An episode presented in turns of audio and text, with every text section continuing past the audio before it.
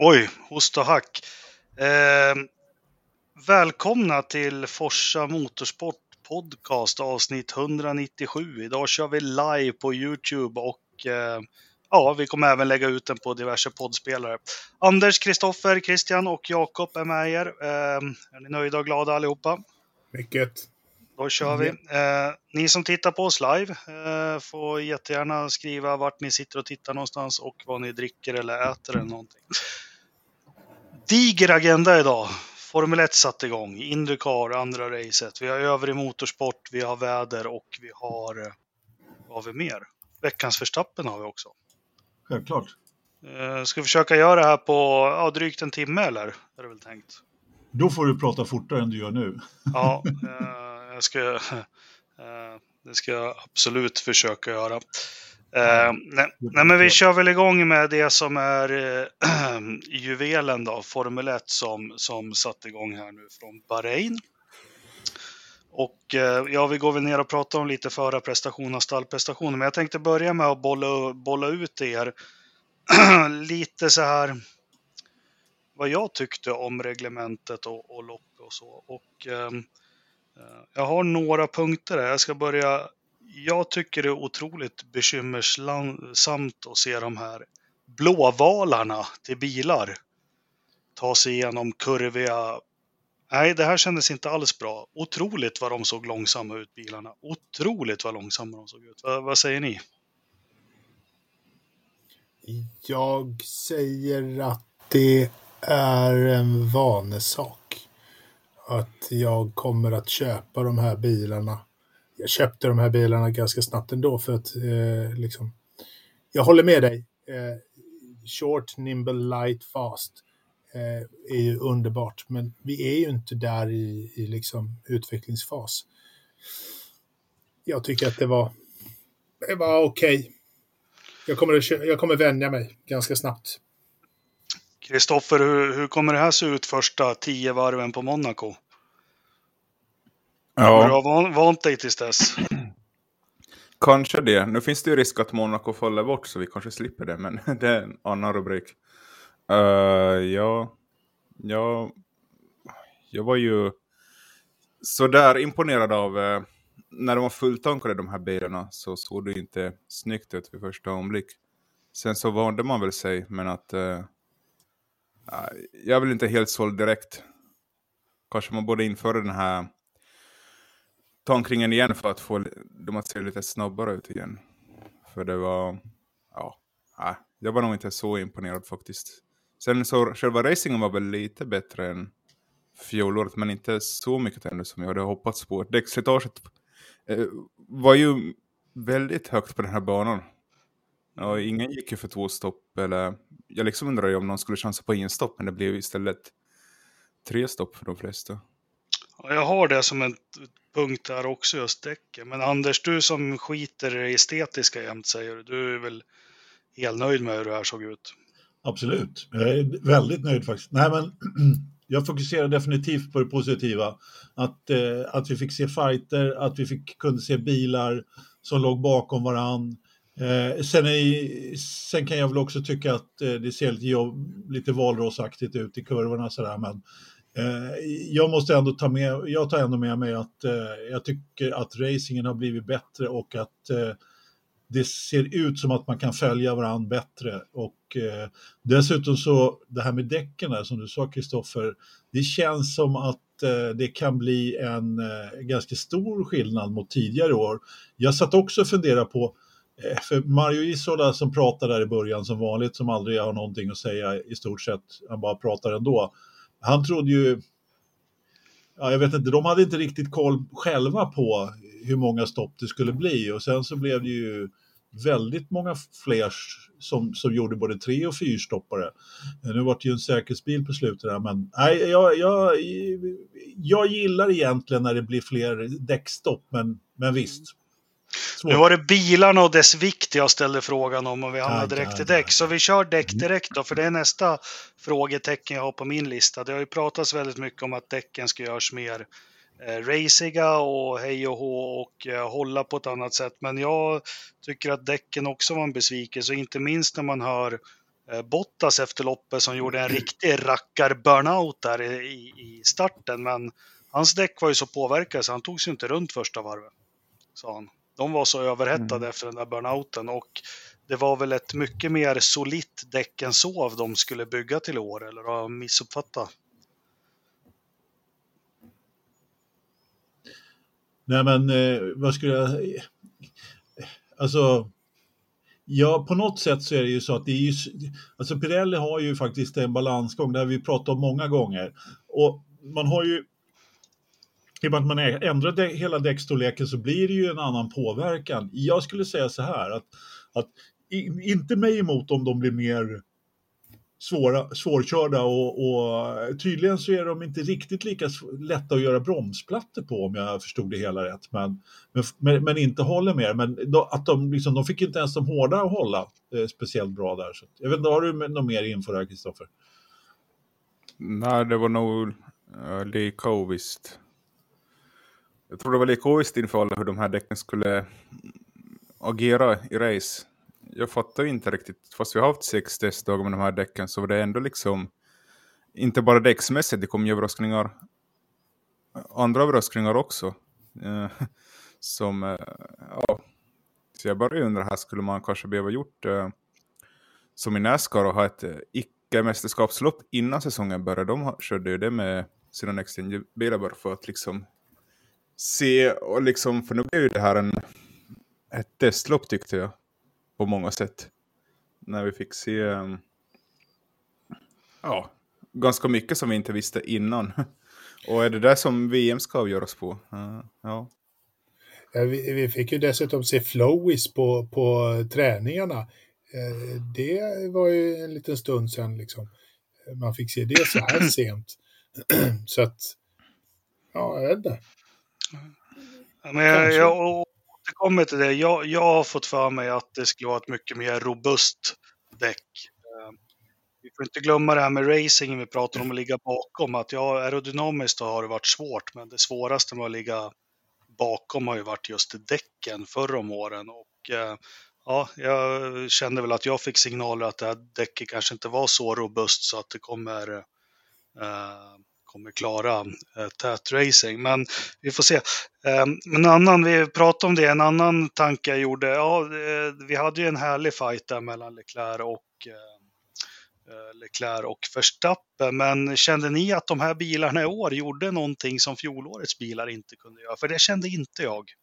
Det kanske inte blev ett sånt lopp nu, men vad är eran inställning? Jag, jag, jag tycker nog att de följer bra. Alltså, faktiskt, jag, jag fick en känsla av, som Anders var inne på eh, förut där, att det, man kommer att kunna följa varandra på ett sätt som vi inte riktigt har sett de senaste åren. Eh, jag kan ha fått fel känsla, det är fortfarande bara ett lopp, men det kändes ändå lovande eh, med det, tycker jag. Ja, men eh, alltså, så, så som jag tolkar det så kunde de ju ligga bakom och göra försök på försök nu. Eh, tidigare så har de ju gjort ett försök och funkar inte det så var man tvungen att backa av lite grann, eh, ladda batterier och sen liksom och tappa åtminstone någon sekund eller flera liksom, men inte ligga hack i häl. Och det är det som är liksom den stora skillnaden här, tyckte jag ändå att man såg en del av, Kristoffer. Ja, men äh, där kommer vi igen till det här som, äh, som hände i loppet när vi stoppade på varv 19. Det var lite en väl optimistisk inbromsning när han försökte köra om Leclerc, men det gjorde ju att han inte kunde ja, attackera honom fler gånger. Uh, och det var väl det man hade hoppats på. Att, uh, liksom att man skulle inte kunna bränna däcken eller ja, den, den, den nya F1-termen overcooked som är någon ny Formel 1-lingo jag vet inte var de hittar alla de här nya Formel 1-orden, men jag tyckte många förare nämnde det här att de överkokade däcken och ja. Mm. Ja, men han får ju helt enkelt inte bromsa på sig då. Hur svårt kan det vara? men vi, vi har ju... Uh, jag är inte negativ, jag har höga förhoppningar. Så sen kanske det blev ett race där jag inte tyckte de följde varandra alls på något märkvärdigt sätt. Men sen så har du ju andra saker som gör att um, har man tagit reda på att du kunde inte ligga tätt bakom för då kokar du, o- överkokte du bromsarna. Ja. Det var många som hade problem med Ja, de bromstemperaturen mm, ja. också. Och liksom, ja, då gör man ett helt nytt reglemente, men då kanske man får sätta på lite större luftintag på bromsar och sådana saker. Så jag, jag kände inte att de här bilarna klarade något som vi inte såg förra året. Eh, det är det jag vill komma till. Men säsongen är lång.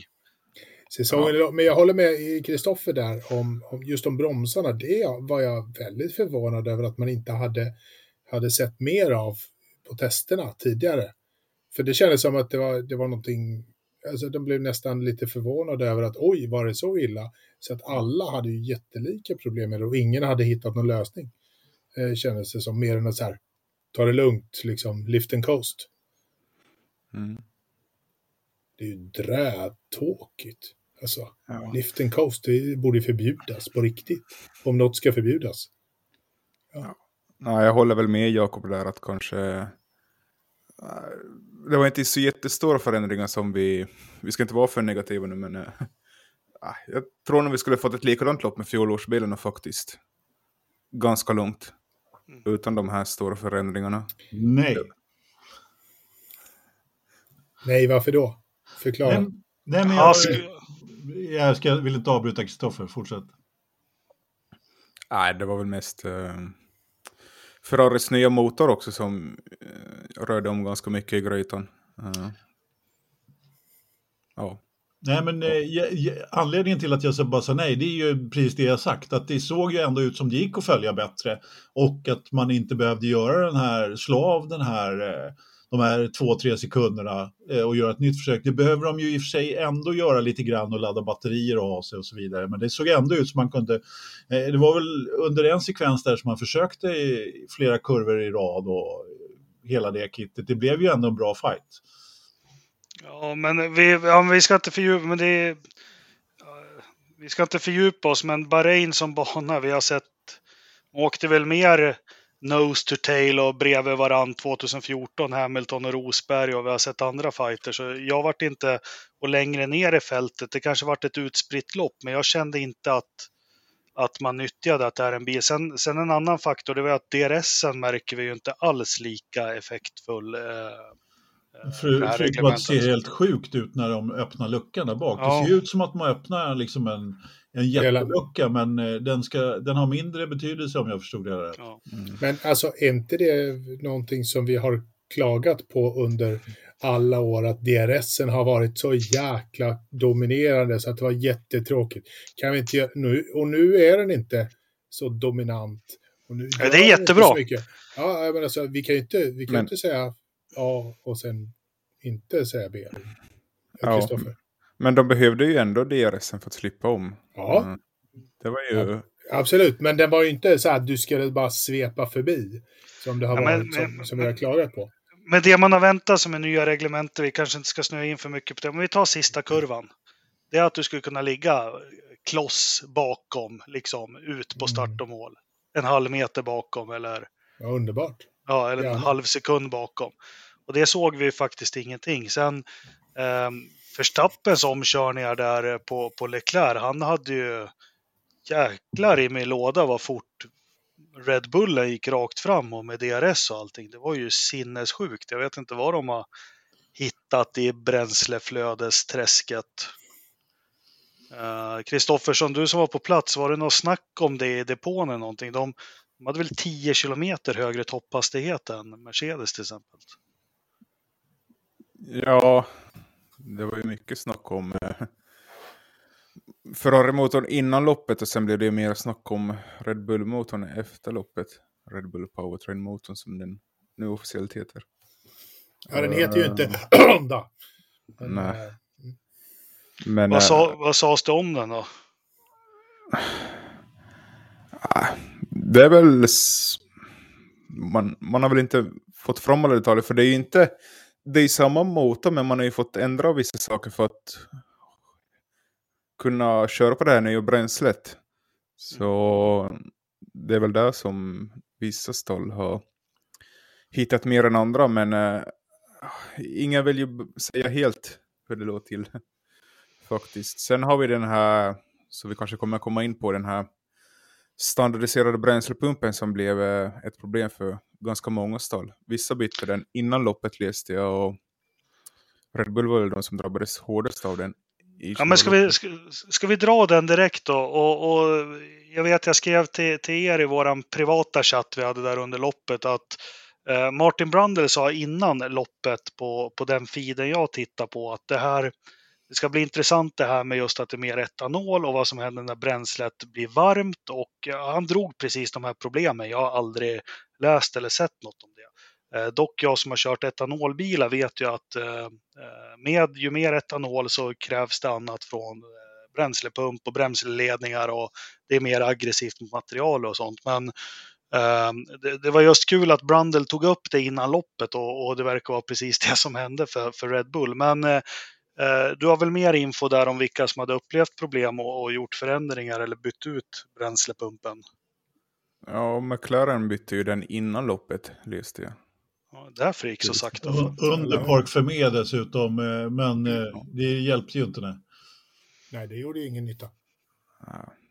Men jag tyckte eh, sex Mercedes-kunder längst bak i fältet, men jag tyckte Mercedes moderstallet höll, de var inte med i fighten, men de, de var ju ändå i sin egen liga där i mitten, tyckte jag, jämfört till resten. Eller vad tyckte ni?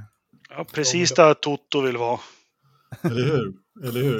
Nej, men de, de var ju nya McLaren liksom. Och McLaren är nya eh, Haas. Och eh, vet Och du, Haas, eh, Haas är nya Aston Martin och Aston Martin är nya Williams. Det är ingen ordning alls i år. Vet Ja, men om vi, om vi tar in det där vägen på loppet, om vi börjar med Mercedes då som eh, bärgade en tredje och fjärde plats och eh, nej, men den, den bilen har ju stora problem med det här hoppandet. Eh, och eh, som jag förstår det så får man väl höja bilen några millimeter för att och, och bli av med det så mycket som möjligt och med det här nya reglementet höjer man bilarna så tappar man enormt mycket downforce. Lewis Hamilton säger att den är otroligt nervös eh, där bak. Eh, men eh, nu kom de tre och fyra, jättenöjda, men vi som följde loppet och tittade ganska noga, vi såg att de var ju faktiskt innan Safety Car och allting så var de väl på väg och eh, ramla in som sexa och sjua ungefär 50 sekunder efter vinnande ekipage. Och det är ju oroväckande.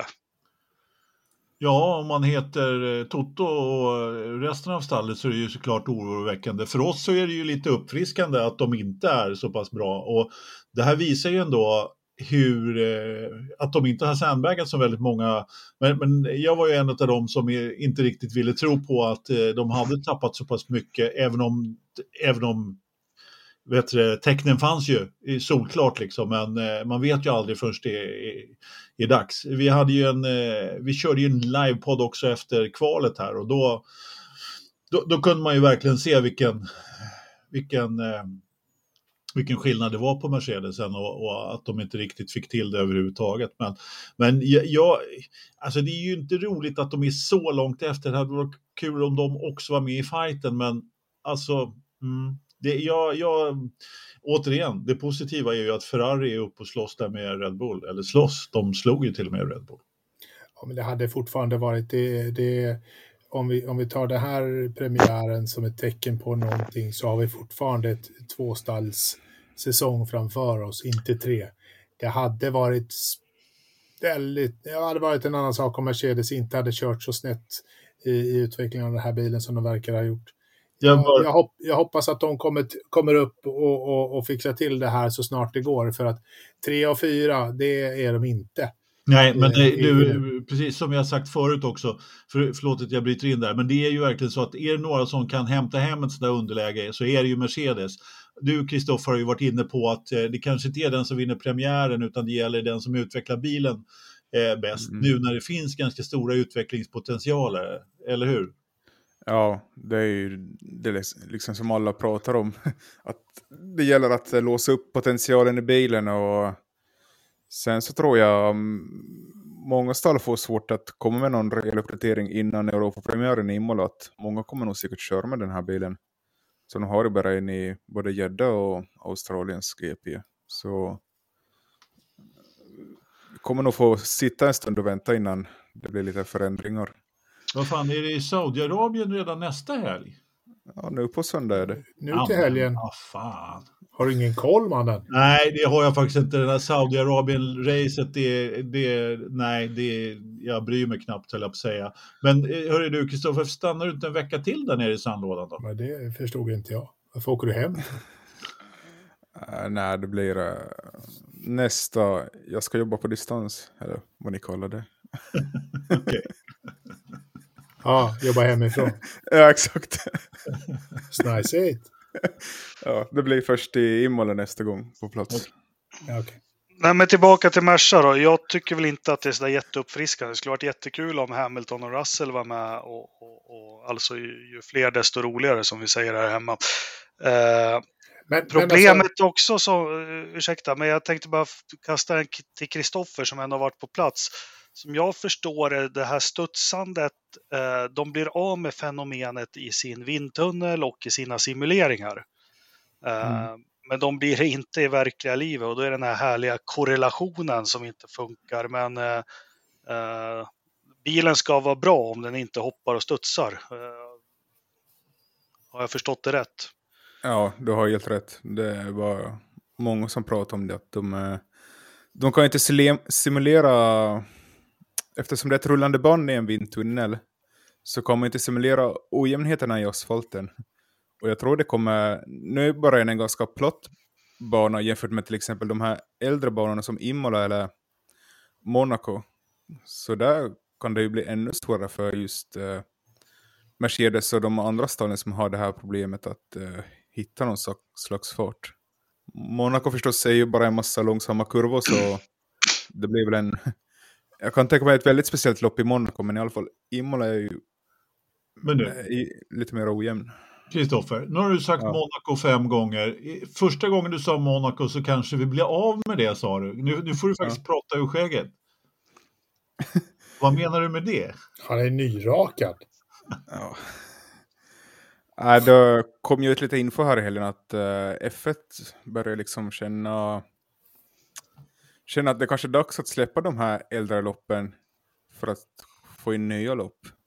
Och, Men du menar inte att vi slipper att Monaco 2022, eh, det kommer finnas kvar? Eller Ja. tänker du att det, det är framtida lopp som Ja, det är? ex- Ja, men det är Ja. bra. Vi, Ja, ist- de- ist- Istället för Monaco så kör vi Teherans GP och lite annat. Ja, Det Ja, blir alltså, jättebra idé. Ja. Så, Toppen. vi kommer tillbaka. Ja, ja, men Mon Monaco har eh, ett års kontrakt och de verkar inte se ut att få något förnyat faktiskt som det ser ut just nu. Det, det, det är inte den bästa racingen vi ser i Monaco. Det är inte jättekul, men det är ändå det, är det mest prestigefulla loppet att vinna Exakt. enligt förarna. Har varit i alla tider. Eh, det är ändå så sitter man där och glor och, och överraskas att de kör 270 genom swimmingpoolen där. Eh, så det är jävla trams att man, ja, Mm. Det kommer finnas kvar hela tiden. Alltså det, Jävla trams, eh, för Mm. att ci- citera Carl Lidbom. Eller? ja trams. Helt precis. rätt. Jag tänkte innan vi ska gå in på mer med Merca också, något som är lite uppfriskande. Så här. Jag gillar George Russell som bara den, men ändå så är det eh, ganska kul att han blir ganska, eller ganska kul, det, det säger någonting. Han blir rätt avklädd av Hamilton den här helgen. Ja, det, det blev han. Ja, men alltså det... Kul och kul, jag vet inte. Avklädd Nej, det är inte kul, Ja, det, men men det- bekräftar Nej. något. Ja, men det, han, han, kanske, han kanske behövde få landa lite, sätta fötterna på jorden lite mera. Han kanske, kanske har haft lite, lite högtflygande planer. Å andra sidan så tycker jag lite synd om George Russell också. Att är just i år börjar han köra Mercedes när det börjar eh, liksom klanka dåligt. Jag vet inte riktigt. Så här. Jag tycker det är lite, ja, jag hade sett honom i, i fjolårets bil hade han ju gjort en helt annan eh, eh, grej. Kristoffer, Eh, ja, jag tycker det var lite rätt åt Russell. Han har ju varit så kaxig här och liksom sagt att eh, ja, liksom kollar man in på nionde plats i Mercedes så, så liksom, ska man nog inte sitta i Mercedes och liksom allting. Men nu fick han en liten reality check så jag tyckte det var helt, helt rätt åt honom. Ja, men precis. Men just en reality check, jag tänker vi som har följt Formel 1 länge vet ju att när Gerhard Berger var the coming man. Alla slog som Berger och han gick från Ferrari till McLaren. Och tänkte väl, han hade väl gått på det där snacket, så kör mot Senna. Jag kan fortfarande kröka och, och träffa brudar och sånt. Och så första, eh, första loppet 1990, då liksom, ah, då förstod han. Då fick han sin reality check. Ja, jo, lite så är det ju kanske. Men eh, jag vet inte. Vi kanske inte ska räkna bort Russell efter ett Nej, nej, nej, nej. men lopp. men det, det jag skulle säga var att, eh, alltså så här. Eh, jag, jag, tror att Russell är en bättre förare än vad han visade den här helgen definitivt. Samtidigt är det förmodligen inte helt lätt att komma in i det stallet med eh, Lewis på plats. Det är väl det är kanske inte lika, riktigt lika illa som att komma in i Red Bull med Max Verstappen, men det är förmodligen inte helt lätt. Och ska vi tala avklädda stalkamrater så har jag ett, eh, ett, några fler på listan efter den här helgen kan jag säga. Som är, som är naknare än, än Russell, absolut. Mycket naknare. Ja. ja. nej, men det, det, som, det som blir spännande med sån här Russell, för vi har ju sett honom som, han gick in och körde ett lopp och spöade Bottas och hej och hå. Alltså när det blir såna här förändringar, Russell har vi sett som en supertalang, jättebra. Det sätter lite Bottas i, i, i annat dager, eh, gör det ju på något vis. Nu har det bara gått ett lopp, jag vet det. Eh, det som det framförallt gör, det sätter Nico Rosberg som ja, i ett helt annat dager och, och sånt. Så på det sättet är det lite spännande. Men Russell kommer komma igen, så är det bara. Hade du någonting Kristoffer? Ja, jag, jag, här kommer igen. Man kände ju liksom ändå när saker ska liksom sättas på plats så har ju Hamilton sin eh, kapacitet att göra det. Som eh, kvalade ändå in liksom hyfsat i, i kvalet och sen i loppet gjorde han det han kunde med, med, med det han hade. Så jag tycker, ja, man skulle aldrig räkna bort Hamilton på det sättet. Det måste man ju ge honom. Nej, precis. Det, det, det, du säger är väldigt viktigt. Det är lite som att inte räkna bort Alonso. Rätt vad det är så är det han som är där i Q3 liksom. Ja, men, det är jävla räv. Ja, ja men precis. Det, och det, det är lite samma sak med Hamilton. Jag menar, man är inte femfaldig eller många VM har Sju. Tiden, sjufaldig är han ju. Sjufaldig världsmästare för intet liksom. Eh, det, det är precis det där att den här lägsta lägsta nivån eh, är ju så oerhört hög liksom. Om man jämför då med en sån som Russell som trots allt börjar bli lite, lite rutinerad ändå faktiskt.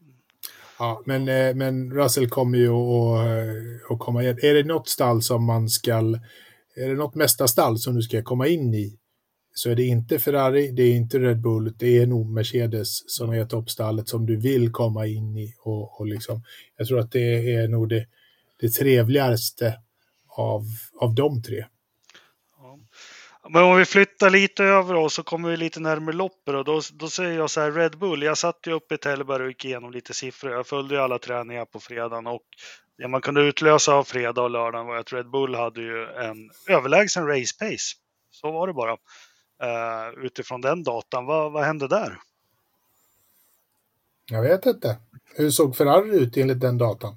Inte lika bra, men de såg bra ut, men inte lika bra. Utan, eh, ofta brukar ju fredagarna säga mycket om hur loppet ska se ut faktiskt historiskt. Man kan läsa ut ganska mycket när man tittar på de olika däcken när de gör långstintar och ser hur, hur liksom tiden har sett ut. Men eh, ja, Kristoffer. Jag tyckte det var intressant att uh, märkte jag att Verstappen körde liksom med, med ilskan som uh, krydda där. Väl... Satt och ropade över radion och ja, det gick ju inte alls liksom som han hade tänkt sig det här. Kändes väldigt pressad faktiskt om man nu ska utläsa någonting. Ja.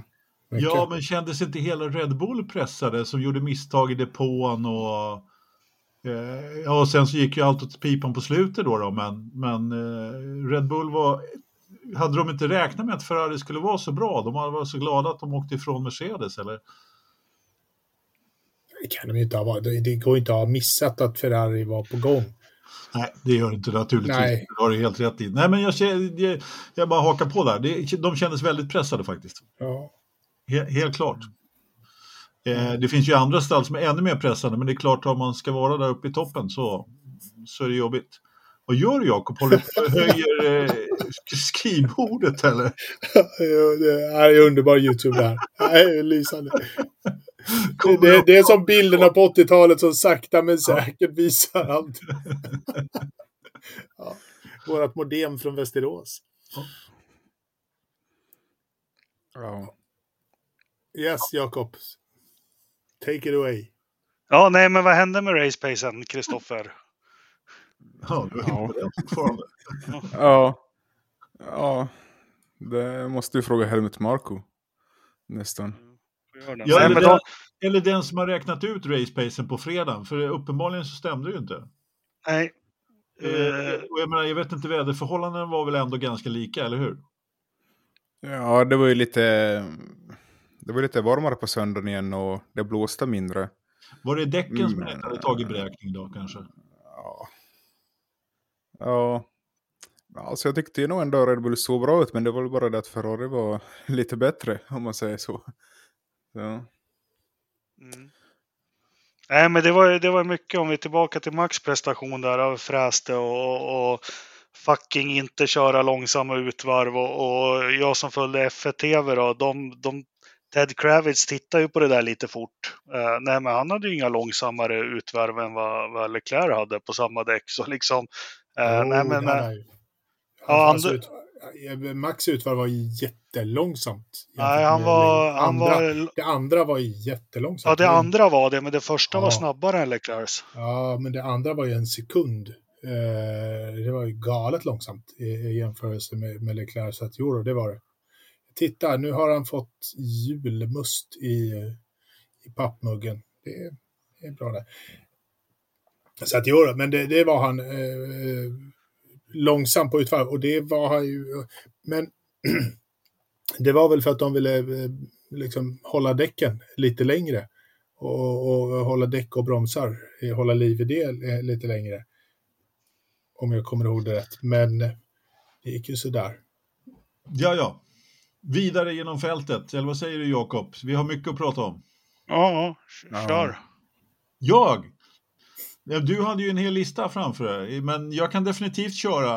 Eh, jag menar, vad, vad säger vi om eh, vår, framförallt liksom veckans raket där? Has. Underbart. Alltså vad skönt. Vad skönt att de bara sumpade förra året och i första racet får de ett kvitto på att de är på gång till någonting. Alltså hade det varit lika illa som förra året hade det ju varit helt katastrofalt. Varför Ja, hade ja. de sumpat förra året till ingen nytta? Nu har de ju fått någonting av det. Ja, och Men ganska... min, Ja, förlåt. Kör. min son knäckte ju koden där tycker jag. Han sa att det var ju jättesmart att ta en massa pengar av Mazepin i ett år och bygga en bra bil till året efteråt och så sparka honom och sätta in en bra förare. Nej men eh, jättekul. Jag noterar att de har en Ferrari-motor eh, eh, och jag noterar att Eh, Kevin var jättepratglad och det var en dröm och jag noterar att Mick Schumacher fick, hade en skadad bil hela. Han skulle säkert också tagit poäng. Ja, men precis. Eh, det, var ju det, eh, precis. Det var ju det som var grejen där med Mick. Han kvalade ju naturligtvis in sämre än Kevin, så han hade ju ett sämre läge och hamnar man där bak så riskerar man ju bli påkörd av Stroll, vilket han blev då. Och det är väl i stort sett, det var väl helgens skandal att han inte fick något straff för det då. Vad säger du, Kristoffer? Hörde du något om det? Om... Eh, vadå? om Haas och eh, att han inte fick något straffstroll för att han körde rätt över Mick Schumacher. Nej. Nej, det var väl ganska försumbart det som hände. Jaha. Oh, Ja. så var Ja. det. Nej, jag tyckte i alla fall att det var väldigt roligt att se Haas eh, så glada och eh, det var ju tjo och tjim där i stallet efteråt och eh, ja, det är självklart att Kevin, och de på ren fart också, eh, på ren fart. Och visst, det, nu, är, nu har vi två läger, ett Ferrari-läger och ett eh, Mercedes-motorläger. Och det är klart att, jag menar, vi, vi, vi pratar ju lite om det men det var väl ingen som vågade tro att de skulle ha så pass bra, men just att det skulle spilla över ganska mycket från Ferrari på Haas under eh, utvecklingsarbetet. Att man har, man har liksom puttat ner ganska mycket både folk och eh, resurser ner, över gatan så att säga. Vad säger du Kristoffer? Nej, jag ska väl inte... Magnusen hade lite tur ändå att han startade så högt upp. Vill jag ändå tillägga. Och jag vet Tur? inte... Ja, Han körde Ja, så Botta, Bottas hade tur.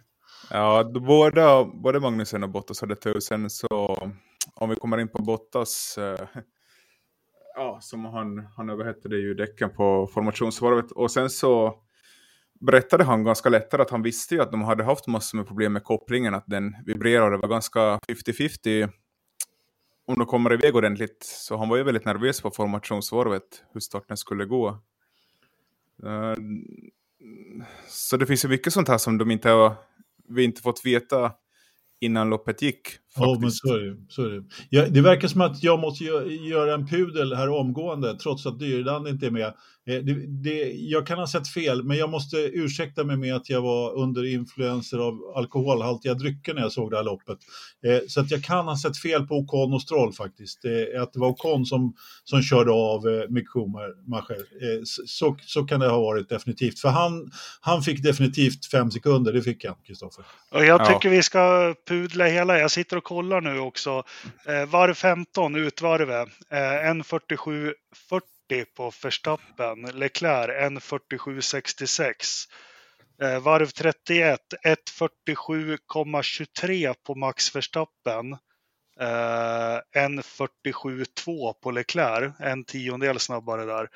44 1.47,2 på Verstappen och 1.47 eh, på Leclerc. Så det var en tiondel det skilde som mest utvarven mot Leclerc. Mm. Ja, det var som fan. Det var som fan. Ja, det var som ja. fan. Uh, jag rekommenderar analysverktyget som uh, racefans.net har om man vill glo in sig lite. Ursäkta, fortsätt ni. Ja, jag tänkte fortsätta där med Alfa Romeo. Jag frågade också Bottas vad han tror om gädda, hur bilen kommer fungera där. Och där eh, är det ju mer snabbare kurvor än här och de är inte alls lika snabba i snabba kurvor. De, deras hur roligt den låter. Utan de är ju, har ju sitt övertag i långsamma kurvor. Jag bara undrar om det är kanske Ferrari överlag, alla Ferrari-motorer som har den här fördelen i långsamma kurvor. Så jag skulle inte tippa Alfa och Haas lika högt nu på söndag eller lördag redan som den här helgen. Vad säger jag inte, vi, vi, får väl se. Vad, vad, har, vad har man sagt om, om Mercedes och höghastighetskurvor och låghastighetskurvor? Har vi någon jämförelse där? Eh, om, om Ferrari har problemet i, i höga eh, hastigheter så kan man hoppas på att Merca har lite, lite, no, eh, lite mera mediuminställt så att de är halvjumna överallt så att de plockar poäng när de får. Alltså om vi, om vi tar eh, Saudis förra, från förra året så, så ser det väl inte så ljust ut för Mercedes skulle jag säga. Men vad vet jag? Jag vet inte, vad vet du? Ingenting. Ja. Jakob, sitter du fortfarande och kollar varvtider eller ska vi gå vidare? jag, sitter, jag sitter och lyssnar på er. Ja. ja. Okay. ja men, eh, om man lyssnar på Russell så han sa att det var 50-50 att man tappade fart både på rakorna och kurvorna. Så ja, det kan hända att de är ännu sämre än Ferrari då. Ja, du är säker på att det var 50-60? Uh. Ja, men, vi är inne på Red Bull. Jag tycker vi reder ut det här med soppapumpen då. Vad, vad, vad har sagts efteråt? Eh, Förstappen började gnälla på att han inte hade något... Eh, ja, men det var mycket som hände. Han hade ju problem med bromsarna. Eh, bilen klarade inte av att lyftas ner från de här, vad heter de? Jack. Ja. ja, för då pajade styrningen och sen så hade han ju problem med batteriet som visade sig vara var bränslet där och eh, Carlos Sainz hade precis, eller eh, Checo hade ju precis samma problem. Han fick ju mitt i en kurva där när allt slog av. Men eh, ja, vad sades där nere? För jag... Är det lättfixat det här eller? Nej, alltså det är ju det att det här nya IET-bränslet och temperaturen det går på när det går runt i tanken medan bilen är lätt tankad. Så det är där liksom problemet kommer in. Uh, och det är väl därför vi inte har fått sett det här på testerna. Helt klart. De har inte, det... de har inte kört så tom, tomt menar du? Nej, exakt. Och det sa väl Max lite syrligt också efteråt. Eh, ja men vadå, med all teknik vi har och vi testar allting, varför hittar vi inte det här? Det var ju en väldigt bitsk kommentar tycker jag. Mm. Men han har ju rätt. Ja. Ja, absolut. Liksom, med så mycket pengar de, de, de lägger på det här liksom, så, så borde man ju kunna... Det här är inte ett svårt testcase att, att, eh, att hitta. Jag är Det- inte det är liksom- bitter. Nej, men vad fan, kom igen. Nej, liksom Liksom när, de ändå, när de ändå sitter där med sina Red Bull Powertrain eh, slash Honda motor, kan de inte eh, köra bara motorn simulera den med lågt bränsle? Eller Ja, men får det, det, göra det är ju bara att köra motorn liksom. Ja, Ja. De Liksom, anställde klar. inte honom från Mercedes. Den killen som, som körde just den testen. Ja, just det. Han som dit. körde, körde, körde motorn i bänken liksom så här, nej, nej, fan, han beh- vi behöver inte honom. Han, han får, han får, han får vara kvar. Han kommer inte in under eh, vet, t- taket, kostnadstaket, Kristoffer. Ja, precis. ja. Eh, kanske det var den här temperaturen som var en överraskning för dem. Mm. Att den gick, för det sa, jag snackade lite med, nu går vi lite off topic, jag snackade lite med William Alatalo som kör i F3. Eh, han sa ju det också att de i F3, de hade ju, var ju också nära att överkoka motorn faktiskt. Fast Okej. de körde ju på dagen, men eh, ändå. Det, de gick mycket varmare på söndagen än vad de hade förväntat sig. Så det kan ju ändå vara Kanske- samma för F1-gänget. Kanske där vi har däcken också, att det var lite för varmt eh, och man inte riktigt hade räknat med det. Men är man i, är man i AB 28 Haiti så är det, brukar det ju vara rätt varmt. Liksom. Men vi, vi försöker ta reda på till nästa avsnitt eller något annat avsnitt tycker jag på vad är det som just gör. För det här med, med temperaturen på bränsle, det har ju varit det, något det har fuskats med långt tillbaka med. Det finns väl minimi och maxgränser. Jag vet var väl BMW och Toyota som höll på och kylde sitt bränsle för mycket för herrans massa år sedan. Men det skulle vara kul att, att veta mer exakt vad är det som gör i värmehöjningen som gör att bensinpumpen inte klarar av att att suga upp bränsle om det är lite kvar. Jag förstår inte riktigt än om jag ska vara ärlig.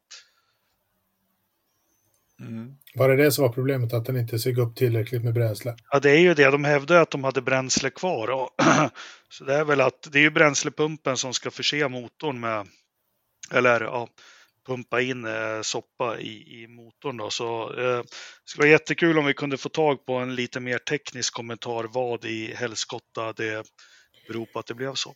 Var, var, det, var det också bränslepumpen som gjorde att Gasly började liksom grilla korv där? Eh, Det var MGU-kon va?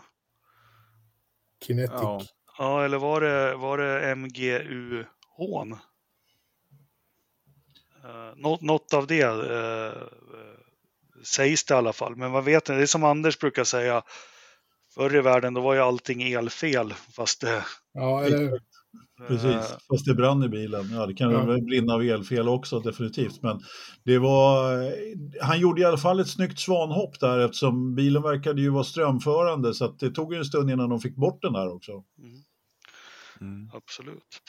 Ja, nej, men det skulle vara jättekul. Kristoffer, du får vara lite murvel här. Och, och sen är jag lite konspiratorisk. Alltså, okej, bensinpump är all ära. Jag kommer ihåg Red Bull 2012. De fick ju alla att förstå vad en al- alternator är. Det hade man ju aldrig hört talas om. Eller det är väl en generator, men han bröt. Eh, de fick problem med det. Och nu vet väl alla vad en bensinpump är. Men det är väl inte så jäkla snyggt att säga att man har motorproblem med den här nya satsningen de gör direkt. Eh, Så vi, vi får se. Men vi stänger men. Det- Vilken dörr ska du stänga? Jag skulle bara säga att det var ju eh, väldigt bra av Yuki Tsunoda eh, som var den enda som kom i mål med en eh, Red Bull Powertrain slash Honda motor. Mm. Något ska han lyckas med också. Eh, Jag, jag- tänkte innan vi stänger Red Bull, eh, vi tar lite fighten mellan Leclerc och, ehm, och Verstappen. Eh, jag hoppas att Lewis Hamilton tittar eh, eh, och lär sig lite hur, på vilket sätt Verstappen ska tas. Eh, jag anser att Leclerc är en eh, mycket, mycket smartare racerförare än vad Verstappen är och bevisade det. Vad säger ni? Alltså jag är beredd att hålla med definitivt. Sen tror jag inte att han... eh, Jag tror att han har sett väldigt mycket på Verstappen och lärt sig. Helt klart. Mm. Ja. Nej. De har ju en historia av att ha, redan i karting fattades ju de mycket och jag tyckte eh, just den här helgen körde de ju ändå ganska fint. Det kan ju, vi har ju sett de tidigare 2019 har haft lite kamper och där knuffade de väl ut varandra lite mer utanför banan än här. Så vi får ju se hur mycket... Man kanske tog lite lätt på det när det var premiären.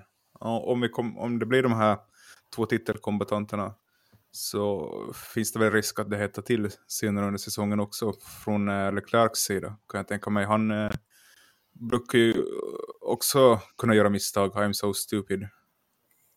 Jag, jag tror att Leclerc siktar på titeln i år. Därför eh, så, så tar han det lite piano. Eh, 2019 så, eh, så var det mera race för race. Nu ser han på säsongen som en, en helhet, för han har nog en känsla i magen som säger att det här kan bli hans år på riktigt. Så därför tror jag att han, han kör lite, lite lugnare och lite mera moget. Så att, eh, jag tror att det är det som gör det. Jag tror inte, vi, jag tror inte vi får se liksom eh, något, jag tror inte vi får se något överilat av honom som han har kanske gjort tidigare med Max. Ja, men det jag upplevde det var ju eh, Dels var han ju smartare och nyttjade DRSen där ut mot kurva 4. Han såg ju till att alltid bli omkörd eh, precis. Men jag tyckte han var otroligt tydlig i sitt eh, kroppsspråk eller vad man ska säga med förstappen och, och, det är väl där man har känt att Lewis kanske inte har varit Ah, jo, kanske jag back... Han har ju varit väldigt tydlig, Lewis, med att jag backar ut om det här blir något. Men här, här var det liksom på ett snyggt sätt så var han väldigt tydlig med att eh, eh jag kör som du. Mm. Mm. Eh, med det, vi hoppar lite snyggt till, till eh, Ferrari då. Jättebra, nu börjar man snacka om att Ferrari är tillbaka och Ferraris back och, och det är eh, mästerskap och allting. Men glöm inte senaste åren, hade vi inte en liknande, var det Melbourne 2017 då de liksom bara shit, uh, var ganska överlägsna och dubbelseger och allting. Uh, Men Melbourne är alltid Melbourne. ja. Sant. Ja. Så är det nog. Nej, men... men eh, ja, ja, men så är det. Men, men, men i år...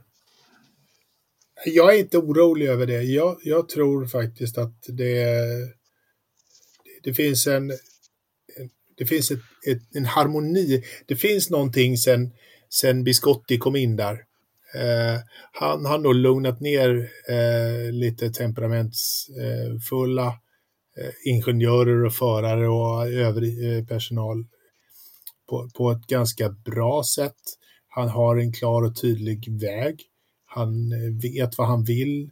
Han, eh, som ledare känns han ganska lugn.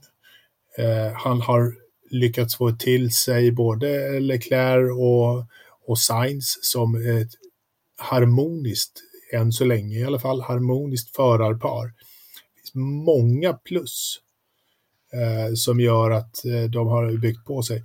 Och nu har de ju eh, fått, fått i ordning på hästarna också. De har ställt dem i rad så att de verkligen drar åt samma håll. Ja, men det, det som var Anders, du, du säger den vajande spagettiskålen eller vad är det du brukar Uh, rullande ja, spagettiskål. Ja. De kände så jäkla förberedda på något vis. Det var ingen ja. strul med depån, det var ingen strul på radion. Det var liksom lugnt och fint som ja, men det du var inne på, Ridderstolpe. Och, och det är vi faktiskt inte vana vid, vid att se. Det var länge sedan sist alltså. Nej, men ja. alltså cool, coola italienare. Det var, det var ett tag sedan de ja, var. Har vi inte sett romarriket? Exakt. Kristoffer? Ja, men jag har ju sagt det här i flera veckor känns det som. Jag har skrivit krönikor om det och ja, inte tog Lä, tror, du, tror du att vi läser dina krönikor eller vad liksom, fan vi pratar ju? Kom igen. Jag, liksom, jag sitter här med ett dagsfärskt uh, Automotorsport, ja, Automotorsport F1 Edition. F1 och Indycar magasinet 2022 som nu finns i butik. Så här står det på sida 40. Ferrari vinner VM i år med en bild på mig faktiskt. Så om ni vet hur jag ser ut så kan ni kika där. Vi, vi, vi tittar på dig nu på YouTube så vi vet hur det ser ut, vi behöver inte. Men varför har man en bild på dig i tidningen? Ska det verkligen vara nödvändigt? Det? Jag vet inte. Men, men ja, men det är väl klart. Men, men orsaken till varför har Ferrari eh, fått i ordning på grejerna liksom? Och jag tror att eh, Biscotti har, har haft eh, en långsiktig plan och jag tror att eh, Mattia Binotto.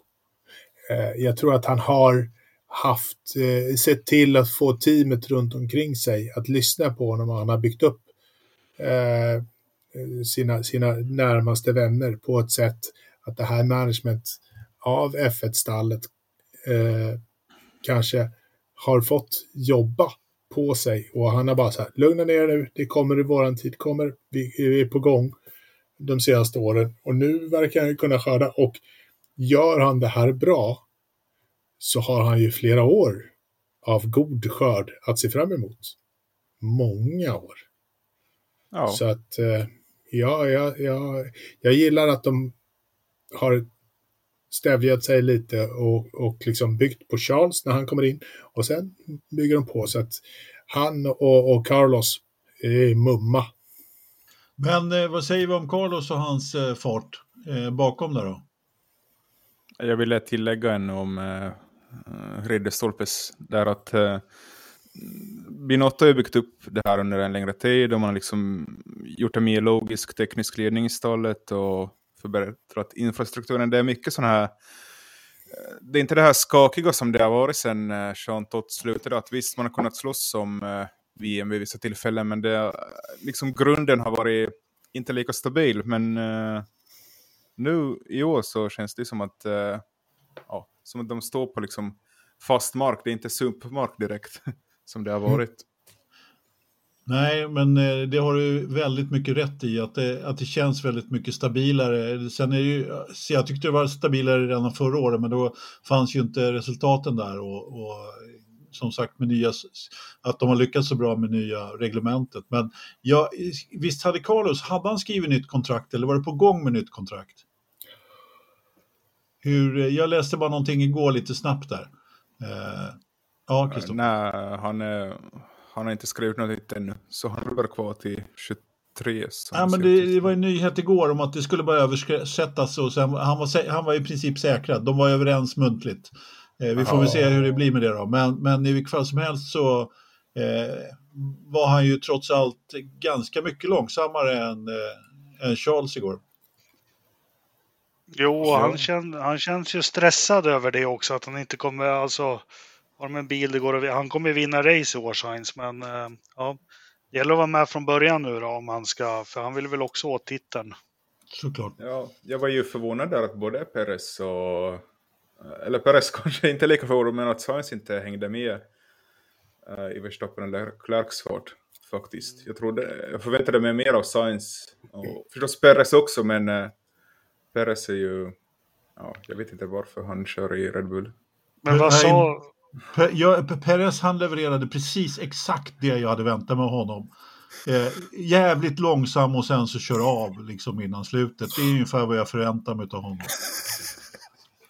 Uh, han, ska jag... ta, han ska ta sina två andra, tredje, fjärde platser. Det är vad han... Ja, han vad säger du Jakob? Nej, vi, vi ramlar vidare. Klockan går ohyggligt fort här. Uh, uh, lite andra team. Aston Martin Alpin. Fy fasen vad blekt pinsamt att Alonso står och säger ja men poäng med båda bilarna, bra start, det kommer mer nästa. Eh, eh Aston Martin otroligt, otroligt dåliga. Eh, ja men det är ju helgens sänke. Liksom. Ja.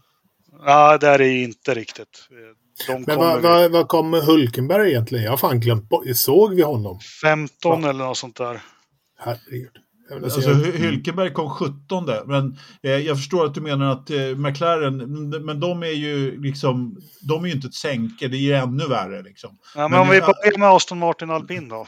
Aston Martin har ju, alltså det, de har vi också liksom klankat ner på tidigare och sagt att så länge Strulovic är klar så blir det ju inget. Nu, kommer, nu sipprar det ju ut en kommentar i veck, eller om dagen här med, från Ottmar Schaffnauer som, som visar varför han egentligen slutade och det visar sig att han eh, helt, de plockar bort arbetsuppgifter för honom och allt möjligt annat så det är ju inte så konstigt. Så att jag tror att på samma sätt som Ferrari står på en stabil grund så står Aston Martin på ett, eh, så är det ett luftslott. Ja, inte bra är det i alla fall. Nej. Nej. Alpin då, du, du hävdar ju Kristoffer att eh, från fransk media hävdar att det är en skitbil. Eh, mm. Vad ska vi tro om dem? Ja, jag tycker...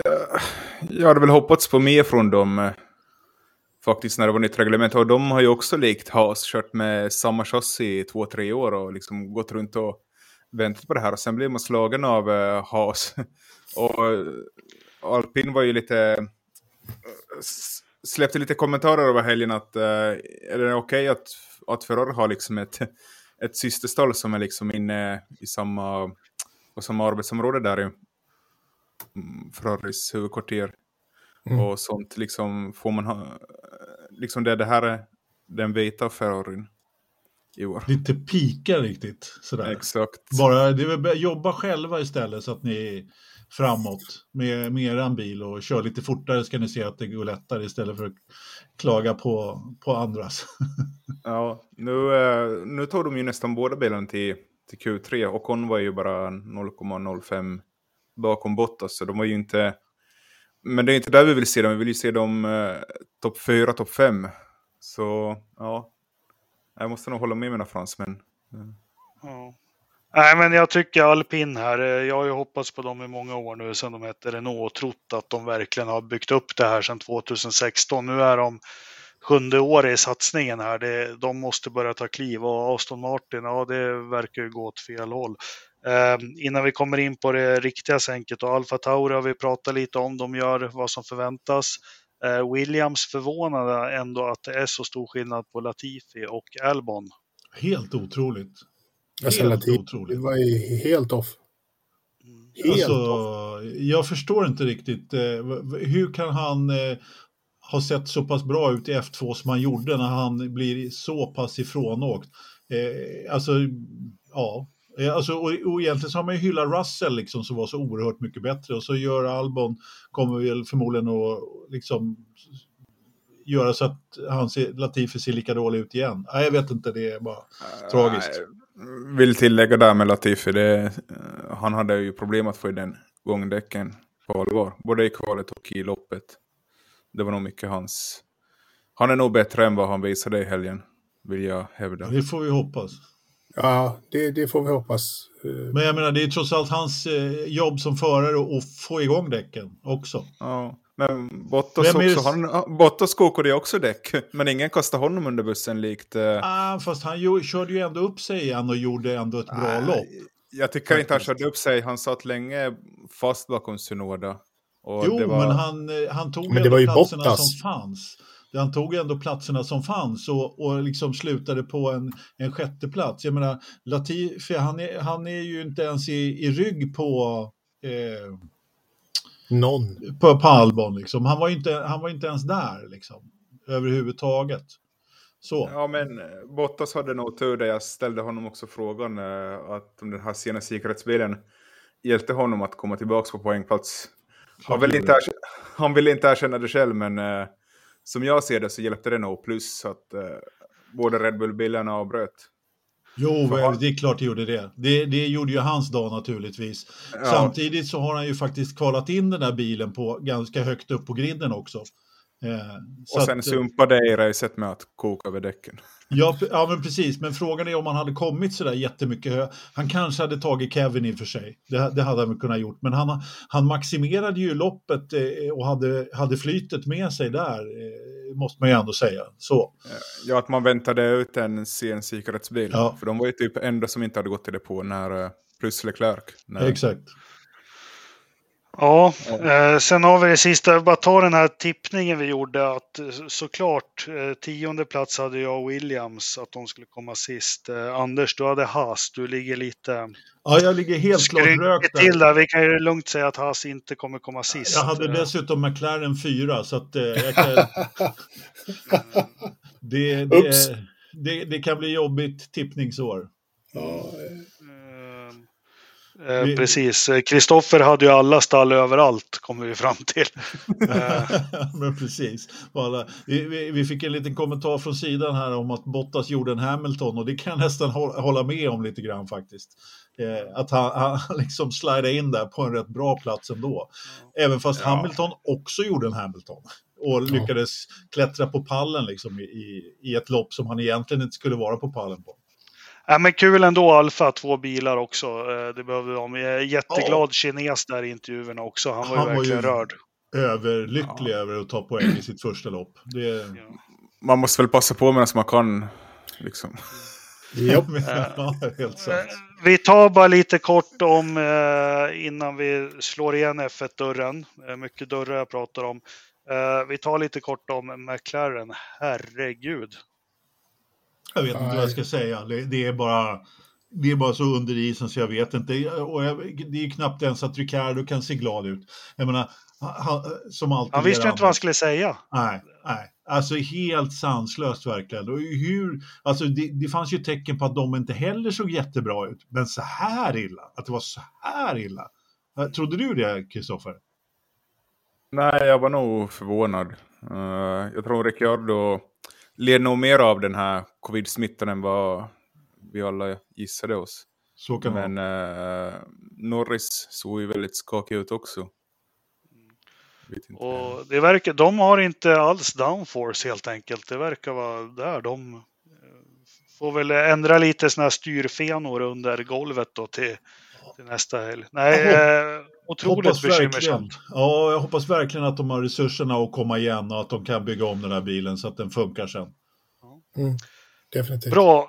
Eh, jag tänker innan vi avslutar Formel 1, vi har ju nytt lopp eh, eh, nästa helg igen som vi kanske får snacka eller skriva upp någon annanstans. Men eh, måste bara få nämna, vi har ju faktiskt fyra svenskar genom tiderna som har stått på pallen och nu är det bara en kvar vid livet. Eh, Ronny är avliden, Gunnar avliden, Bonnier av... Nej, fem stycken är de ju såklart. Bonnier avliden. Lill-Övis har vi kvar, men vi förlorade Reine Wiesel Mm. eh, och hans gröna kavaj. Jajamensan. I, eh, det vi spelade in där på måndag igår, det var söndags morse. Eh, hastigt och lustigt verkar det som. Och eh, ja, jag har ju en hel del Reine-minnen som jag kan ta någon annan gång. Men jättetråkigt att de försvinner ifrån oss. Mm. Han var ju trots allt eh, 80 år så att, eh, det var ju ingen ungdom längre dock. Nej. Eh, trist ändå. Ja, det är. Eh, självklart. Kom Mycket- väl trea i sitt första lopp va, till och med. Jaha. Eh, har jag för mig. Eh, Jo, körde det gjorde han ju. Det gjorde han ju för... eh, Ja, Lotus. De hoppade väl in där när Jochen Rintu dog och Jochen, Fit- precis. Just det. Fittipaldi vann. Eh, jättetalang i Formel 3. Eh, alltid har jag haft den, eh, varit av den åsikten och stött på han att han, han tyckte väl kanske inte det var värt att riskera liv och lem. Han tyckte om att ha kul och, och blåsa pengar och gå på fester och sånt. Så, eh, Ja. ja. Det kan man respektera. Det är, det är ju jag med. Tycker också det är sånt som är kul. Ja, så ja, men jag återkommer med lite Reine-minnen sen. Men eh, vila i frid Reine. Mm. Hoppas du hittar på Ronny eller någon annan där uppe så ni kan snacka lite gamla minnen. Eh, Indycar, ska vi ta det lite kort? Eh, eller innan Ja. vi tar Indycar så vill Kristoffer ta något. Ja, vi har ju fått en ny Patreon. De fortsätter, att ramla in här. Ja, trevligt. And- Anders Blomqvist Tack Anders. är vår nyaste Patreon.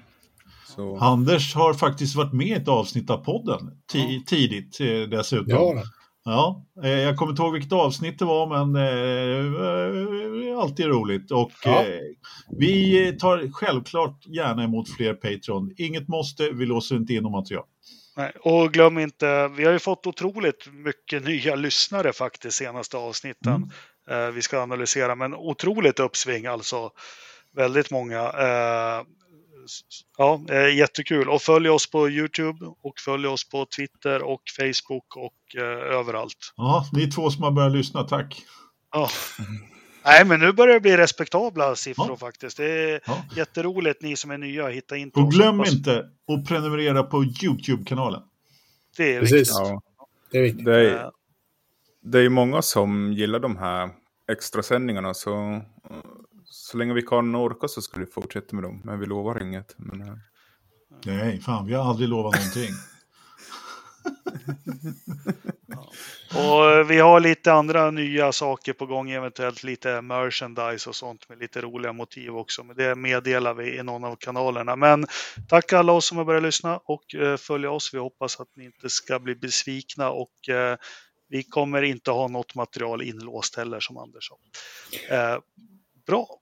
Ja, Jag tänkte- eh, innan vi stänger Formel 1-dörren så tänkte jag att vi kunde redovisa omröstningen för Formel 1-loppet som, jag, som, vi, som vi la ut. Bra där. Jag tänkte det att vi, vi, vi ska köra, vi, om, om vi Veckans håller på... omröstning. Ta-da-da-da! Ja, Ja, vi får nog jobba på jingel, men... eh, vi, ja. Tack, det var skönt att du sa det och inte jag. Eh, Så att arroganten får vila en liten stund. Men, eh, men vi hoppas att kunna göra en liten så här omröstning eh, efter varje race och då både efter Formel 1-racen och, och Indycar-racen. Och kanske vi kan försöka hålla lite statistik någon gång i slutet på året och se vad, vad folk tycker faktiskt var snittet var det bästa racet över året. Eh, och det var väl ganska tydligt. Formel 1-racet i, i söndags, det var ju... Vi fick ju ordentligt bra med röster, men det var också väldigt tydligt vad folk tycker att det här var ett bra race, vi kommer att komma ihåg det. Det fick över 123 röster, medans, eh, och det var fyra bilar som de alla tyckte att det här var värt. Fyra Skalan fem. 1 till 5. Skalan 1 till 5. Så att fyra, fyra av fem bilar var de allra flesta jäkligt nöjda med. Liksom. Och sen var det nja, nja, liksom ett sådär mjäkigt mellanmjölksrace var ju också eh, väl, väl röstat. Men sen var, och sen var det ett gla, eh, klart tapp eh, ner till både 5-2 och en stackare som sa att mycket sämre än så här kan det inte bli. Jag har glömt att kolla vem det var som tyckte att det här var nog fan det sämsta han har varit med om. Men, eh, men det är lite kudos ändå eh, till dig. Alltid någon som är motvalls. Alltid någon, men de flesta tycker ändå att det här var ett, ett rätt bra race ändå. Ska vi säga vad vi tyckte ger poäng? Det tycker jag. Ja. Lite snabbt. Jag, jag skriver 7,5 i en annan F1. Men nu har du bara Det 1 hänger till i. 5, liksom att 7,5 kan du inte, så Vad blir- 3,75. Ja, blir Det blir en fyra. Det Nej, blir en fyra jag- om du jag- avrundar uppåt. Jag satte en trea faktiskt. Uh, jag... Ja, liksom, helt okej lopp, men inte... Ah, jag hade kanske för stora förhoppningar. Sen så måste jag, vi har glömt att prata om det, men de här fejkade publikljuden, det var inte alls... Ja, just det. Det funkar de- inte alls för mig. Eh, De står här. Eh, ja, nej, De kommer nog, vi har en bra programpunkt sen där de kan komma. Mm. Lite senare i podden. Ja. Jakob, kommer du ihåg vad du röstade på i omröstningen? Trea tror jag fick. Trea fick den, ja precis, jag ser kavajen. Du då, Ett litet me- mell- mellanmjölksrace. Du då, Anders, vad, vad röstade du? Jag, röstade, jag tror jag röstade en fyra. Och det, det är enbart egentligen på fighten för Stappen Leclerc som jag tyckte var bra. Annars så, resten var en, eh, kanske en trea. Du då? Jag, jag satte nog fyra också för att det, det ändå det, det visade på potential för säsongen. Eh, Det här, det här kan nog ändå bli, bli någonting. Potential för att vi har två som slåss om VM och resten är statister. Eller? Det har vi haft tidigare, med potential för att det liksom går att följa. Vi kan få täta racing, vi kan få några nya. Liksom. Det är lite roligt med Ferrari. Det är inte samma gamla hela tiden. Vi har, vi har en intressantare säsong att se fram emot än vad vi har haft under ett, några år. Kommer jag bara prata- Mercedes tillbaka så... Nu vill jag prata Indycar. Sluta prata nu Ridderstolpe. Ja, Jag är- vi, vi släpper över det först, för vi hade ju Indycar i Texas också. Då kan vi säga att eh, ungefär 75 procent av rösterna där i våran gallup tyckte att det var betyg 4 eller 5 racet i Texas. Så jag är beredd att hålla med. Det var ett mycket bra lopp för att vara eh, Texas. Vi hade en het svensk på kvalet och en otroligt het svensk inom, i loppet och vi hade en en Sylvester Stallone-avslutning där att det avgörs i sista kurvan då eh, Newgarden, eh, mycket rutinerat, tar som McLaughlin. Eh, vad ska vi säga mer om racet? Ja, men eh, jag tyckte du sammanfattade det ganska bra där egentligen. Men, men eh, alltså lördagen var ju eh, sanslös där med Felix Pohl och så hur lycklig han var och att han hade fart. Och det, det finns ju massor att prata Men just, just om man ska ta det som ett Texaslopp, om man, om, man, om man jämför med loppet förra året som var ett riktigt sömnpiller. Liksom. Eh, jag såg faktiskt inte starten eftersom det var mitt i Formel 1, så det hade väl gått fem varv när vi väl fick eh, fick de att byta kanal på det här eh, haket vi var på. Men, men eh, ja, det var ett riktigt bra för att vara Texas. Vad, vad säger du Kristoffer, hann du se något? Jag kom in ganska sent där. Jag undrar ju vad som hände med good old Felix. Jag hade ju ganska hoppats på att det skulle komma hans islossning den här helgen?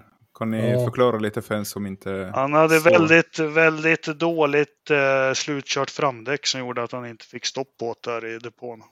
Eh, så Ja. han, eh, han eh, missade sin depåruta och ställde sig snett och fick ett väldigt långsamt eh, depåstopp. Och det är lite med, med den eh, urusla produktionen som Indycar har, som även Formel 1 har nu också, en helt urusel eh, tv-produktion. Men då såg man bara först att det dröjde på höger bak och trodde att det var hans pit crew som hade klantat sig. Men sen kommer det prisbilder att äh, det var väl inte vad han behövde riktigt. Nej, verkligen inte. Och Det sen var dess, hö höger bak också. Det var inte bara att han missade på utan att höger bak var ju också eh, problem. Mm, Ja. Precis, och det vart ju eftersom han missade höger, eller depårutan så pass. Ja, precis. Och, och jag menar, det var ju inte Felix som gjorde det värsta heller, utan eh, hans stallkamrat då. Tydligen så hade de ju problem, något problem med eh, däckslitaget här. Eh, någon inst- de hade väl eh, gått lite aggressivt, för han sa ju att han var nere på kåren där, Felix också. Eh, och det var därför som man inte fick stopp på bilen, som du sa Jakob. Och, och Patjo, han körde ju till och med på sin mekaniker, det gjorde ju faktiskt inte Felix. Så att Pat Ward hamnade ju absolut längst bak i, i fältet och han fick ju ett straff för det. För Felix så blev det ju lite samma då eftersom det tog så väldigt lång tid. Eh, och, eh, där i depåstoppet, men hans lopp var ju kört efter det i stort sett. Eh, han låg ju med ganska länge där, i, eller låg ju med ett tag i början definitivt. Men eh, mm, Men när, men när han väl... Eh, eh,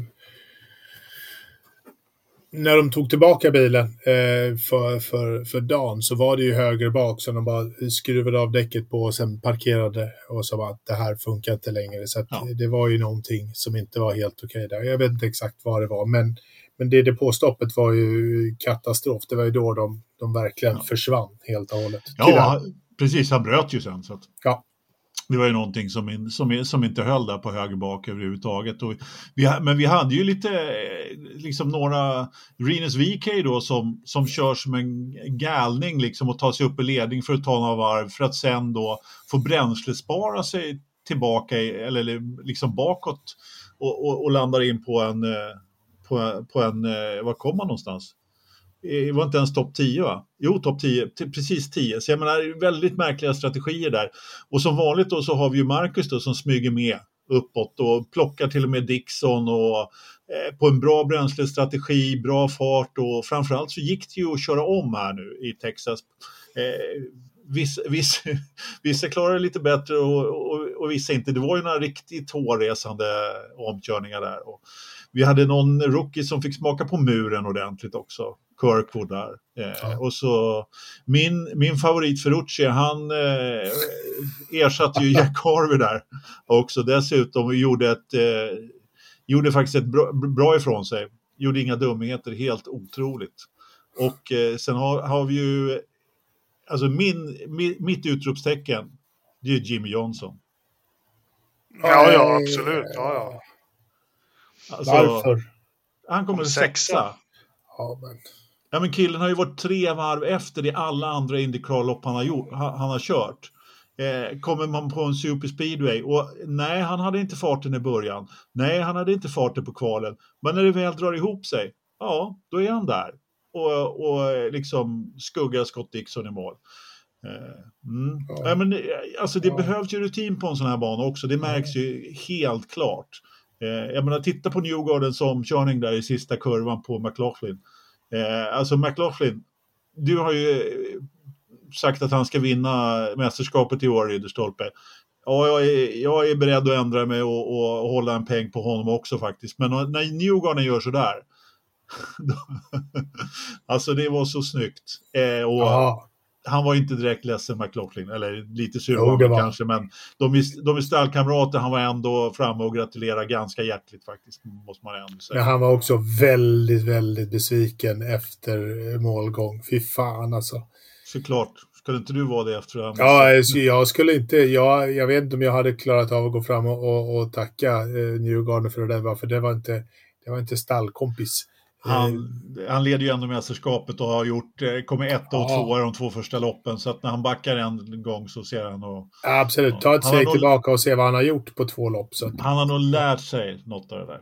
Ja, det får jag tro. Ja. Det får jag tro. Ja. Ja, men eh, bra. Ja, han hade ju... Han hade väl helt slut på framdäck där också, säger han själv. Ja, jo men Ja. precis. Ja men jag menar, hade, jag hade Fe- Petto och Felix slut på framdäck där så var det nog många, det var nog fler än dem som hade pro, li, lite slut på däck i slutet definitivt. Ja. Eh, och, och, eh, alltså, vi har ju en stabil kille i det här fältet som kommer trea. Som Marcus Eriksson eh, som, som gör det här stabila. Han blir stabilare och stabilare. Jag tror inte att han kommer så långt som han, han kan utmana om titeln, men alltså, Men han kommer vara där uppe. Han, ja. kommer, han kommer inte vara långt ifrån. Eh, han, han är nu etablerad på riktigt. ja. Så, som en toppförare. Alltså han är verkligen så en, en topp 5-kille och man ska inte vara förvånad att han är en topp 5-kille längre. Nej. För han är där. Ja, men det är Eh. ju, man förväntas ju nästan det. Det kan ju visa sig sen att det här skitloppet, förra, eller det här skitstraffet som man fick då i förra loppet i St. Pete, att det är ganska avgörande sen vad det gäller. Så att, ja, vi får se. Eh, Det ska Ja. bli väldigt spännande. Det ska bli kul och, och jag, jag, är, jag är lite taggad på fortsättningen faktiskt efter det här loppet. Det var kul. Och han Ja. får, han får gott, gott om cred från de amerikanska kommentatorerna som vet vad de pratar om. eh, Så att säga. De, eh, de ger honom eh, Driver of the Day mer eh, ofta än inte. Och samma kommentatorer hävdar också att eh, ja, det är lite press i McLaren-stallet nu på vår andra svensk. Ja, det är nog inte helt otroligt. Nu satte han ju faktiskt en pole. Han får, han får väl leva på den lite tag i alla fall. Ja, de sa ju också efter kvalet så var de ju också väldigt nöjda liksom över att eh, är det någon som behöver eh, lite medgång så är det en Felix. För alla vet potentialen i, i Felix. Eh, han har haft det tufft och är det någon som behövde ett litet break så, så var det ju han. Han ska nog vara glad över att Petto gjorde en värre tabb än vad han gjorde i depån där. Om man, så. Ja, jag hoppas att han ja, jag hoppas att han bara tar med sig eh, kvalet från den här helgen och skiter i resten. Mm. Mm. Ja, såklart. Jaha, men du, hörni, då tar jag och knoppar in lite så kan ni dra lite övrig motorsport då. Jag vet inte, vi har pratat så länge om så mycket och jag vet inte, vad säger du eh, Kristoffer, hur mycket F2 och F3 har, har du sett? Ja, jag har sett mycket MotoGP istället. Ja, du ser, du ser. Jag vet inte, Ja. vi har pratat, pratat så mycket och det har blivit lång podd. Vi kanske, ska, vi kanske ska- ta det korta formuläret. Jag behöver inte prata F2 och F3. Det var, jag såg faktiskt inte F2 och F3 var, ja, det var en stökig historia både här och där. Och eh, vår, du, kan väl bara, du hade pratat med William Alatalo, vår, vår finska etiopier där. Hur, hur gick, han, han var inte topp 10 i första loppet, men i sprint Eh, eller i, i eh, huvudracet så var han väl topp 10 i alla fall va? Ja, de har ju svängt på, eh, försökt styra upp den där racehelgen för F2 och F3 nu efter fjolårs. Så nu kör man ju sprinten på lördagen som F1, bara att det är omvänd startordning topp 10. Han satte ju en väldigt bra tid. På kvalet var det 11 eller 12, men sen så var det några cent utanför vita linjen, så den ströks den där tiden. Ja, så det blev bara ja, 17 startruta, men uh, i feature-racet körde han ändå upp sig 10 platser, han var ju på sjunde plats som bästa. Sen så, han sa att eh, han kanske skulle behövt spara däcken mer, men han låg ju i en eh, kamp med Vidales genom hela loppet. Precis. Så Jo, men det Ja. var det, precis. Det, det syntes ganska tydligt att han fick slut på däck på slutet, att han inte riktigt hade hållit. Det gäller ju att kämpa och, och vara, lite, vara lite smart där, men mm, mm, det är ju Ja. väldigt stor skillnad på däcken jämfört med Frecka, där han körde tidigare, där Dino också är. ja, men det, det känns ju som att eh, han hade fart i alla fall. Eh, vilket kanske inte den andra finländaren Niko Kari hade. Nej, han är ju, han hade i princip lagt hjälmen på hyllan. Mm. Uh, har ju inte kört formelbil på två år. Sen han blev utköpt från sin F, det F2 eller F3-styrning. Uh, körde ju lite European Le Mans där ett tag, men uh, ja, det var ett ganska sent, uh, sent samtal han också fick. Och var Ja. väl inte riktigt up to speed om han inte kört någonting. Nej. Nej, nej, såklart inte. Vad säger du om F2 då? Ja, Jure Vips var, var, var ju den som alla pratade om. Ja, Han, eh, ja, vad gjorde han? Vad gjorde han inte? Han gjorde en fantastisk uppkörning i race 2 efter att ha tagit starten. Jag är feature-racet. Ja, exakt. Mm. Ja, du får berätta, för jag... Eh, men sen så det strulade någonting i depån där, eller hur var det? Ja, det var där det föll på. Att eh, de hade lite problem med depån. Ja. Sen så... Det var ju överlag stökigt i depån. Var det Dennis Hauger också som Mm. tappade... Plus en, en annan samtidigt, kommer inte på hans namn nu. Ja, De det var båda- två bilar samtidigt som på tre hjul, ja. Ja, exakt. Som de satte fast vänster fram, men det var inte tillräckligt fastsatt så de fick av, avbryta loppet. Så det Ja. var lite stökigt. Allmänt stökigt, ja, precis. precis. Men uh, känns det som det här nya helgformatet ändå funkar bättre nu. Ja, det, det, det håller jag med om, definitivt. Men det blir ju mycket med både F3 och F2 på samma helg, så är det. Jo, Men det är ju inte så mycket su- supportrace där i eh, Bahrain, så att, eh, det är väl därför som man, man, man ville ha premiären där också. Ja, och det är ju ändå bra att eh, det inte liksom tar ända till maj, Europapremiären som det tidigare har gjort. Ja, exakt. på F3. Mm. Men eh, F2 kör ju på Jeddah också, så får hoppas. De hade ju det riktigt stökigt med han uh, Fittipaldi som satt fast. Minns den där startkraschen från F2 förra året. Så Mm. Just det. hoppas de här nya säkerhetsändringarna på Jeddah underlättar Mm. för dem att inte köra ihjäl, ihjäl någon. Ja, men precis, precis. Vad bra. Vill du dra något eh, MotoGP också?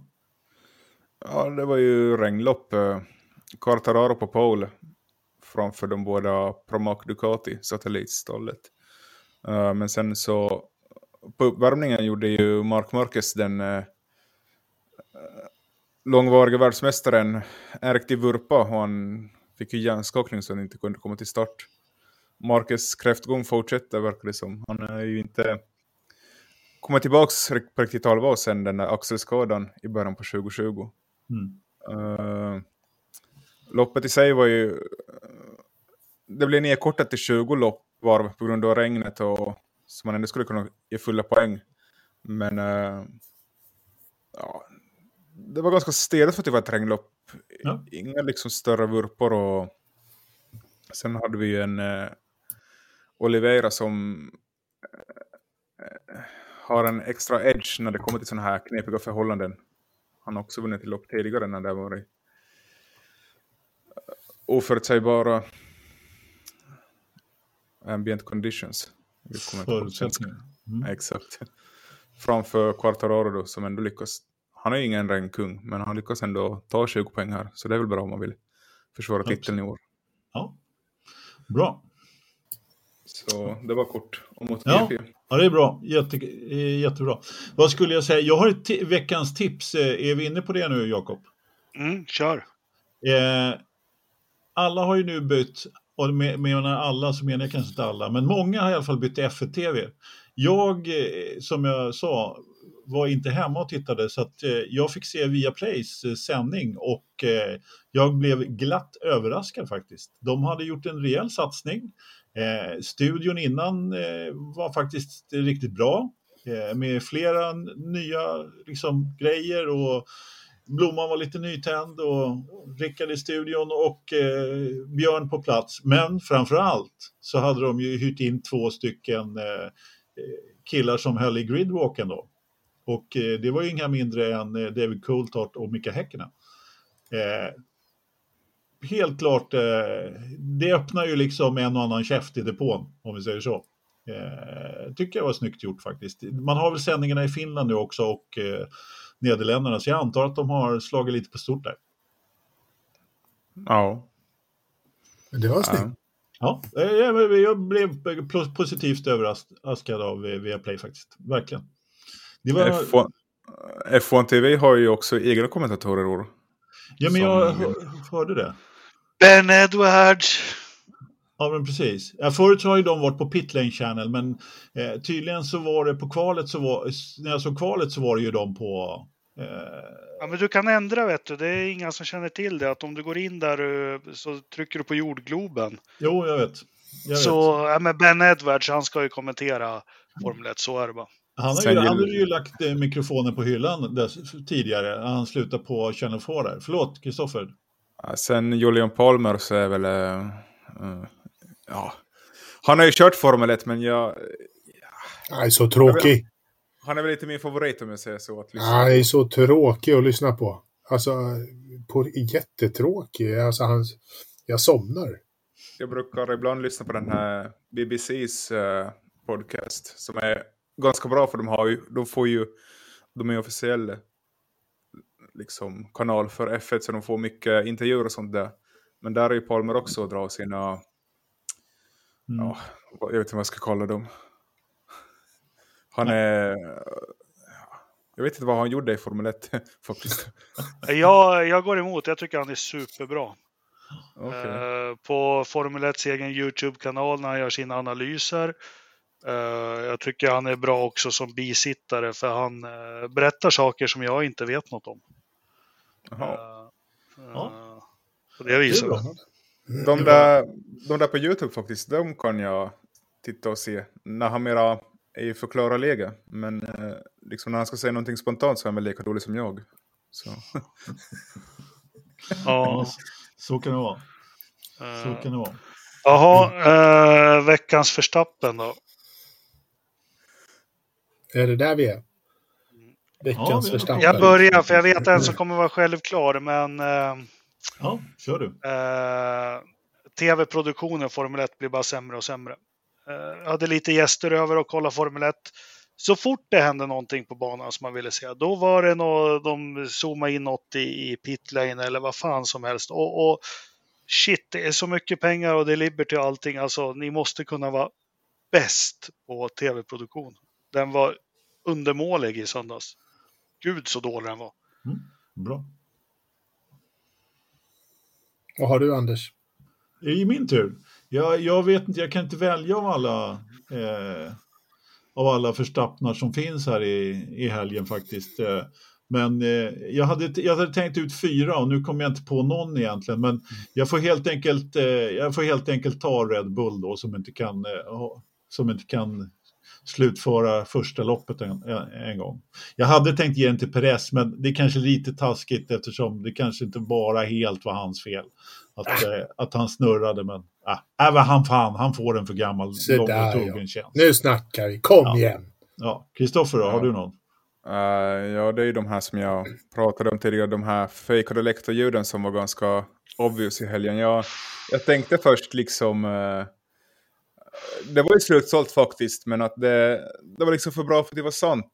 Eller, jag vet inte, det är inget som är bekräftat, men det känns som att eh, kanske de har satt en mick nu närmare läktarna. Eller, men det lät liksom för identiskt när det kommer samma ljud tre gånger på rad när eh, Verstappen attackerar Leclerc. Och sen när Perez snurrar på sista varvet så kommer samma ljud igen. Och där så hör man skillnaden. Man hör liksom att någon drar upp reglaget och bara, "Ah, ah", mitt i allt. Så det var liksom... ja, det blev nästan komiskt. Jag satt och kollade på något, något highlights från typ 2019 när Leclerc och Verstappen också slogs på Red Bull Ring. Och där var liksom det mycket mer naturligt lektorljud. Så jag ska lägga upp det i gruppen så ni kan lyssna själv på de här exemplen. Ja, Ja. Väldigt, det var väldigt spännande. Jag tycker att det... Eh,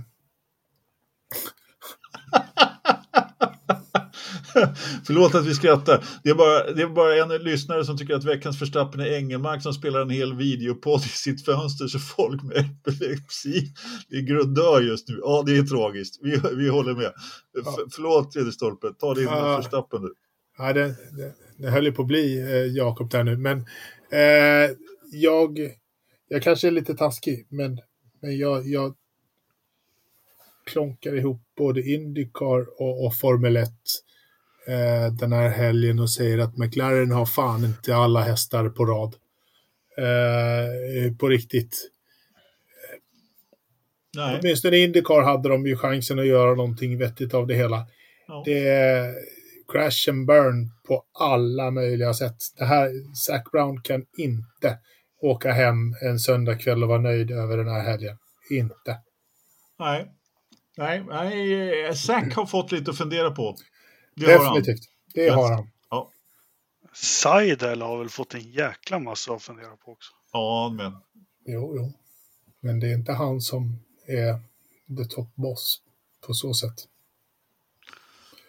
Inte i min bok. Ja, vädret då. 4,8 minusgrader. Eh, 19 grader i sovrummet och en vindavkylning på 4,8 minusgrader. Vad har Vad vi är det? i Vad är det för hästkrafter då? ja, 1040? H- Fågelborde? Ja, men det har jag skickat en bild här i, i våran, eh, någon vill lägga ut det. Det är, det står någon jävla ren där eller något. Eh, Något fyrfota är det i alla fall. Jag vet inte. Jag det- fattar mig inte på Skalberg. Han eh, är ju en jägare av rang. Varför liksom? Nej. Här är det ju gratis jaktbyte. Det är ju bara åk till fågelbordet och... Ja. Eh, vad har vi i datorförrådet då? 8,6. Ja, Nej. Jo. 9,3. Nej. Mm, 10,2. Nej, det var mitt. Det var, när jag, det, det var min. Men 8,6 är det den här veckan. Fel. 11,7 var det. Så ja, det var inget bra tippade då. Eh, tack allihopa som har hängt med oss live och som eh, lyssnar när ni nu gör det. Eh, vi är ute med en podd eh, nästa måndag igen. Sen får vi se hur vi gör här Grand Prix-helgen, om det blir några extra sändningar. Men för att inte missa dem, prenumerera på vår YouTube-kanal och följ oss på Instagram, Twitter, Patreon, Facebook. Ja. Faxen, går, faxen går varm hos Anders. Ja, faxen Faxen går varm hos Anders och ja, vi öppnar väl snart något Tinder och sådana grejer också. Inte, ja, inte med den här profilbilden. Nej, ja. Ja, tack Daniel som har följt oss hela tiden. Eh, Ja. Elvag gissade nästan rätt där på 11,2. Ja, Tack ska ni ha och på återhörande. jajamensan. Tack ska ni ha. Ferrucci var faktiskt inte en idiot. Alltid. Ja. Så det blir eh, kvalpodd på söndag.